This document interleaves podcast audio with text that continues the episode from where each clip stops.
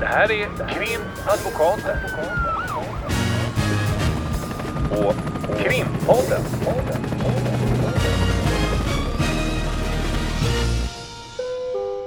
Parter och ombud kallas till sal 32. Hej Ulrika! Hej Lotta! Idag ska vi prata om någonting som jag tycker är väldigt angeläget. Det gör jag också. Mm, vad skönt. ehm, och det började med att jag läste en artikel i helgen i Dagens Nyheter. Ehm, där man har en intervju med vår generalsekreterare Mia Insulander Edevall. Mm. Och eh, man pratar om eh, de här... eh, Det har blivit i, i tidningarna om advokater som bryter mot våra etiska regler. Vi har ju pratat ganska mycket om våra etiska regler i podden här tidigare. Eh, och då eh, ställer man frågor och hur Advokatsamfundet ställer sig till det och så vidare. Och då kan man ju lägga till att det har varit eh, ganska mycket skriverier senaste tiden. Inte bara klagomål på att advokater skulle bryta mot reglerna utan hur advokater uppträder i rättssalen och där har också varit diskussioner hur åklagare uppträder i rättssalen. Och det är som den senaste tiden som kanske har speglats mest i media nu de senaste veckorna kanske.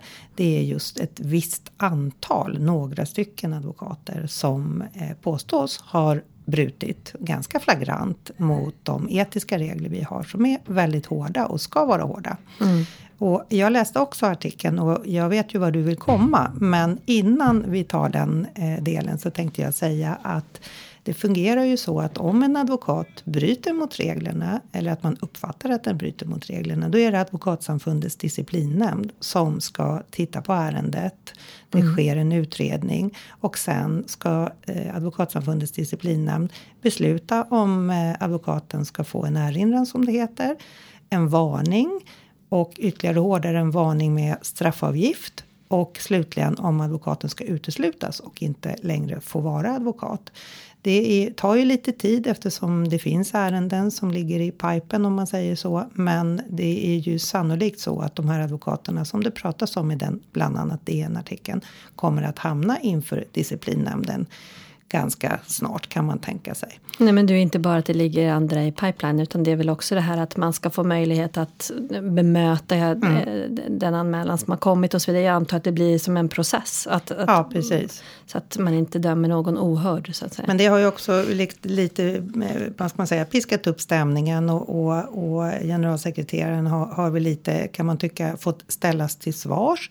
Och att hon har svarat eh, enligt vad jag tycker och, och vad du tycker och vad vi pratar om på byrån. Hon har, har försökt också att, att nyansera bilden.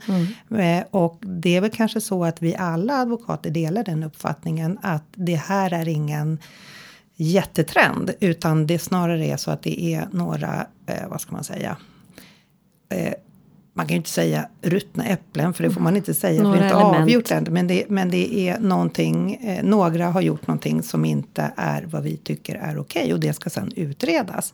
Men eh, det är en annan sak. För Mm. Ja, det det, som sak. vi båda reagerade på det är ju vad den här artikeln avslutas med. Nämligen en faktaruta som inte alls har med det artikeln handlar om. Så du kan beskriva för du har retat upp dig på det. Ja men jag. precis och, och den här faktarutan då som det avslutas med det, det är två faktarutor ska sägas. Först är det då dels eh, kring det här med hur samfundet och det här som vi sa nu vad det finns för sanktioner och så vidare. Men sen så kommer då en faktaruta och då gäller det kostnader för advokater från 2010 och framåt till eh, 2019 baserat på de, eh, den statistik som finns. Ehm, och då konstaterar man då att ehm, man man anger de siffrorna, eh, hur mycket det har handlat om. Och jag kan ju säga det att det här kommer ju också, det har inte bara varit eh, snack i, i medierna om de här etik, eh, påstådda etiköverträdelserna utan det har ju varit tidigare eh, till exempel i slutet på sommaren så var det ett mål i Göteborgs tingsrätt där man från vissa tidningar publicerade advokaters kostnadsräkningar.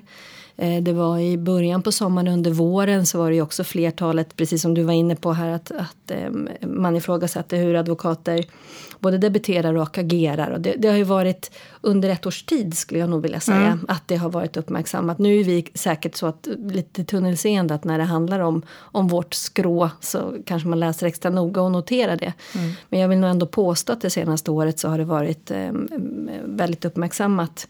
Olika delar i vår, i vår värld och hur vi agerar på mm, olika sätt. Och då, då är det ju så att vad vi har reagerat mot när det gäller eh, DNs faktaruta här, det är ju dels att man i själva artikeln diskuterar enskilda fall av överträdelser som givetvis ska prövas och sanktioner, inte sanktioneras utan precis tvärt emot. Mm. Det ska ske sanktioner om det mm. visar sig vara på det här sättet som påstås.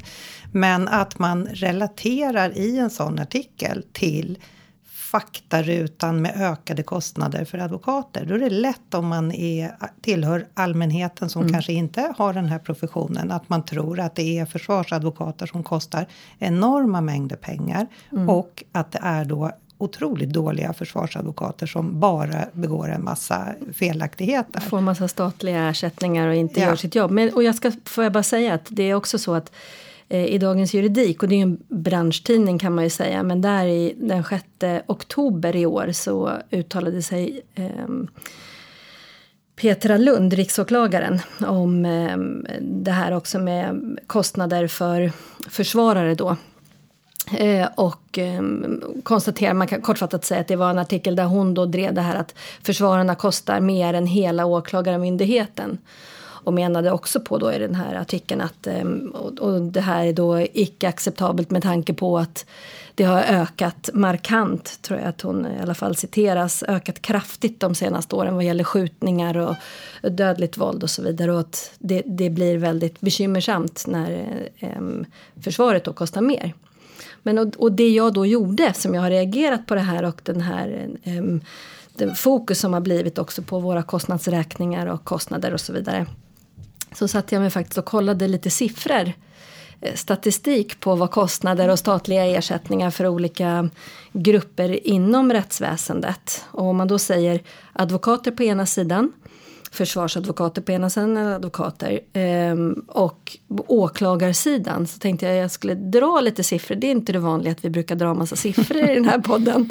Men det tänkte jag ändå att det är ehm, på sin plats att vi faktiskt gör det. Därför att det, man kan ju konstatera eh, den här eh, faktarutan då med advokatkostnader.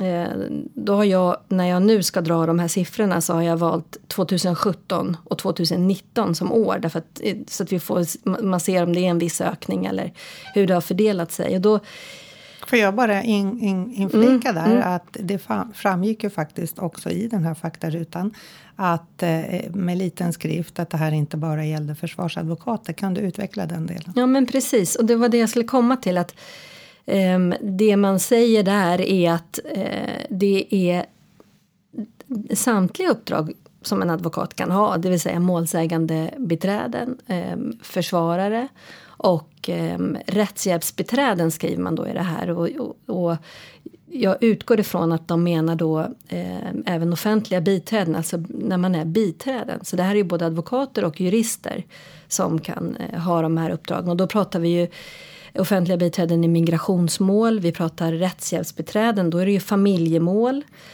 Eh, vi pratar LVU och de andra tvångsmålen inom socialrätten. Det, är en väldigt, väldigt bred, det är humanjuridiken. Mm, och sen pratar vi också om brottsofferadvokaten, om man kan kalla det så, nämligen målsägandebiträdet. Så det, det, det man då konstaterar att enligt den här faktarutan eh, baserat på siffror då från Domstolsverket vad jag får förstå så kan man konstatera att kostnaden för advokater står det. Och då menar väl jag då att det är försvarsadvokater, målsägandebiträden och de här biträden. Då, då, då. Som sagt, biträden innefattar ju väldigt många eh, juridiska inriktningar. Och med en liten passus redan här ja. så är det ju så att när det gäller migrationsbiträden, eh, vårdnadsmålen Eh, eller framförallt också socialmålen, tvångsomhändertaganden av barn, psykiskt sjuka, missbrukare och så. Där finns det ingen återbetalningsplikt för sin advokat. Medan i försvararuppdragen är det så att om man döms så ska man också bidra till mm. kostnaderna. Om man har ekonomisk möjlighet. Ja, mm. om man inte har väldigt, väldigt dålig ekonomi så mm. får man bidra till mm. att betala helt tillbaka för sin advokat, ibland också för målsägandebiträdet. Så i den delen, bland försvararuppdragen, så kommer det faktiskt tillbaka pengar också mm. till staten. Mm. Till skillnad I rättshjälpsbiträdena i familjemålen, där kan man få betala tillbaka en viss procent. Mm. Eh, beroende också på vad man har för inkomst. Och i socialmålen och migrationsmålen så betalar man inte tillbaka någonting. Mm. Så att det skiljer sig också ifrån försvaruppdragen. Precis, och där, därför har jag valt de siffror som jag har då från Åklagarmyndigheten och Polismyndigheten och Rättsmedicinalverket. Eh, där kommer jag basera de siffror jag säger på vad man har fått i statliga ersättningar. Så att det är inte kostnader och inte heller det som går tillbaka till staten Mm. utan det är vad som har utgivits. Och då kanske vi också, jag blir den här instickaren idag här, det vill säga Mm, det är den jättejobbiga som avbryter. Så är det ju så att i en rättssal och det som när vi läser såna här faktarutor och hör och läser överhuvudtaget i andra medier. I rättssalen, så när vi ska prata kostnader, där sitter åklagaren och där sitter försvararen. Där kan det också sitta ett målsägande beträde. Men vad man ska titta på, det är ju att åklagaren har ju en väldans massa människor runt omkring sig som kostar pengar. Och när det går ut eh, ifrån Petra Lund bland annat och säger att åklagarna får för lite pengar jämfört med försvararna. Då måste man relatera till de siffrorna som hon har i de andra myndigheterna innan hon hamnar, nu hamnar ju inte hon som åklagare som hon är chefsåklagare. Men som åklagare då har det förekommit en stor kanske polisutredning eller en liten polisutredning. Det är poliser som kostar pengar på Polismyndigheten. Och sen är det Rättsmedicinalverket som sköter i stort sett all teknisk, kemisk obduktioner, rättsmed, eh, så rättsmedicinska utlåtanden, eh, allt som... All den tekniska utredningen. i Så, så då är det om man jämför åklagarens kostnader och Mm. försvararens kostnader. Det kan vara relevant, men då ska man inte glömma vad är det åklagaren, när eh, åklagaren väl sitter i rätten, vad har det kostat innan? Och det är Mm. det du ska redogöra för. Ja men exakt. Och, det, och, och det, det måste man ju redogöra för. För då, det är det som gör att det blir relevant. För polisen gör ju det, det största arbetet under själva förundersökningen. Och där är ju vi som advokater också verksamma. Ehm, så att jag menar att det blir det som blir mest korrekt att att ange. För att precis som Petra Lund säger så kostar då advokater, alltså alla dessa rättsliga biträden mer än vad, eller de får mer i vi får mer i, i statliga ersättningar än vad åklagarna får. Om man till exempel tar 2019 så kan man konstatera att Åklagarmyndigheten har fått cirka 1,6 miljarder i, i statliga ersättningar och advokater alltså, och jurister eh, sammantaget 2,9 miljarder. Så att eh, eh, det är såklart att det det, där ser man ju då att rättsliga biträden har fått mer än Åklagarmyndigheten. Men om man då tar 2019 så har till exempel Polismyndigheten fått 28,2 miljarder. Så att där ser man då att där ges det ju mer. Och då, jag gjorde bara en, en jag slog ihop Åklagarmyndigheten, Polismyndigheten och Rättsmedicinalverket. Alla de som, Som- jobbar innan åklagaren sätter sig i rätten och Ja, men driver precis. målet. Och man kan säga då att det blir på åklagarens sida. Alltså, eh, även om vi har en objektivitetsplikt såklart under förundersökningen. Men om man säger åklagarsidan. Ehm, Så kan man konstatera att 2017 så var kostnaden eller de statliga ersättningarna som utgick till den här, de här myndigheterna, alltså myndigheten, 26,4 miljarder. 26,4 miljarder till Åklagarmyndigheten. Polismyndigheten och Rättsmedicinalverket. Vad sa du? 26,4? 26,4 miljarder. Och, vad var det för advokater? Till advokater eh, 2017 ehm, så hade vi eh, 2,5 miljarder. Så då ska 26,4 jämföras med? 2,5. Mm. Okej. Och där är då inte försvaret utan det här är alla biträden. Enligt faktarutan. eh, Enligt fakta, men Domstolsverkets siffror. Eh, och 2019 då så eh, har man fått mer i statliga ersättningar. Åklagarmyndigheten, Polismyndigheten och Rättsmedicinalverket 30,5 miljarder. 30,5 miljarder och då ska det jämföras med den ökningen som är för, för Advokater, biträden och biträden. advokater. Ja. Ehm, och där har vi då 2,9 miljarder. Så det, det, det, är ju, det är ju intressant. Man kan ju se då att advokaters ersättningar av statliga medel totalt om man jämför det och ställer det mot åklagarsidans eh, hela statliga ersättningsmedel, eh, bank. Deras budget helt enkelt. Eh, det blir ungefär 10 procent, eh, 9,5 procent. Så advokaternas ersättningar är 10 procent av vad Rättsmedicinalverket, Åklagarmyndigheten och Polismyndigheten Mm. för att utreda brott får. Ja. Och då kan man ju tycka att ja, det är ju en eh, väldigt mycket mindre del. Och det är ju inte så dessutom- konstigt för de, det är ju jättemånga inblandade på den sidan om man säger. Det är ju jättemycket folk som är Mm. Ja. inblandade och det är klart att det är en myndighetskostnad. Mm. Men det som vi är ute efter det är ju att visa att man kanske inte ska tro som allmänhet att försvarsadvokatkostnaden är högre än åklagarkostnaden. Även om det står att advokatkostnaderna är högre. Nu har de fått tillskott också på Åklagarmyndigheten. Men bortsett från det så ska man inte glömma bort vad det är åklagaren har bakom ryggen så att säga. Och då är det alltså 10 procent. De har alltså 90 procent mer i medel. Mm. Och då är försvar, försvaret och målsägande beträden som ju då är inblandade i brottsprocessen är dessutom en procent, en mindre procent av den totala kostnaden för rättsliga biträden.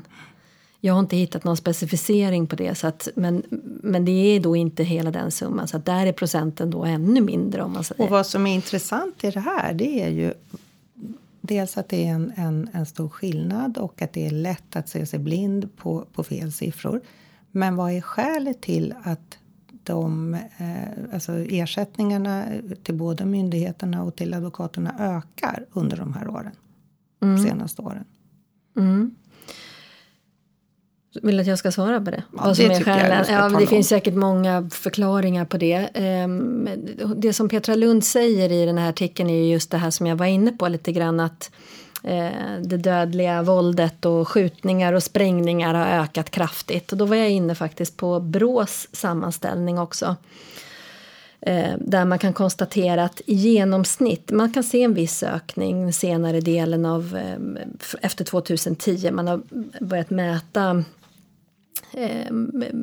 från 2011 just fall av dödligt våld. Och då kan man konstatera att i genomsnitt så är det fråga om 110 fall av dödligt våld. Och då ehm, av dem är det 45 fall 2019 som är eh, med skjutvapen till exempel. Jag tänker om man då säger det här med skjutningar och så vidare. Sen så är ju det då eh, dödligt våld så där är det inte om man blir vådaskjuten eller där som kanske får en annan rubricering än mord och dråp.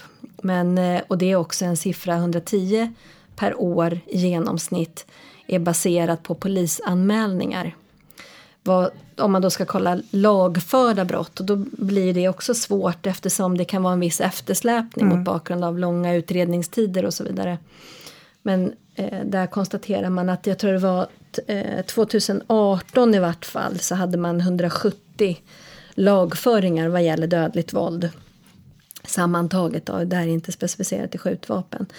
Men man, man kan ju säga att det är en viss ökning, absolut. Men en kraftig ökning kanske är ett, ett starkt ord att ta, ta Ja, och fram. att man jämför kanske med. också ska titta på vad är skälet till att fler människor behöver en advokat Mm. och även ett målsägande beträde och att åklagarna driver fler mål till domstolarna och domstolarna har Mm. många mål. Man har de senaste åren skärpt lagstiftningen. Man har höjt minimigränsen för vissa brott.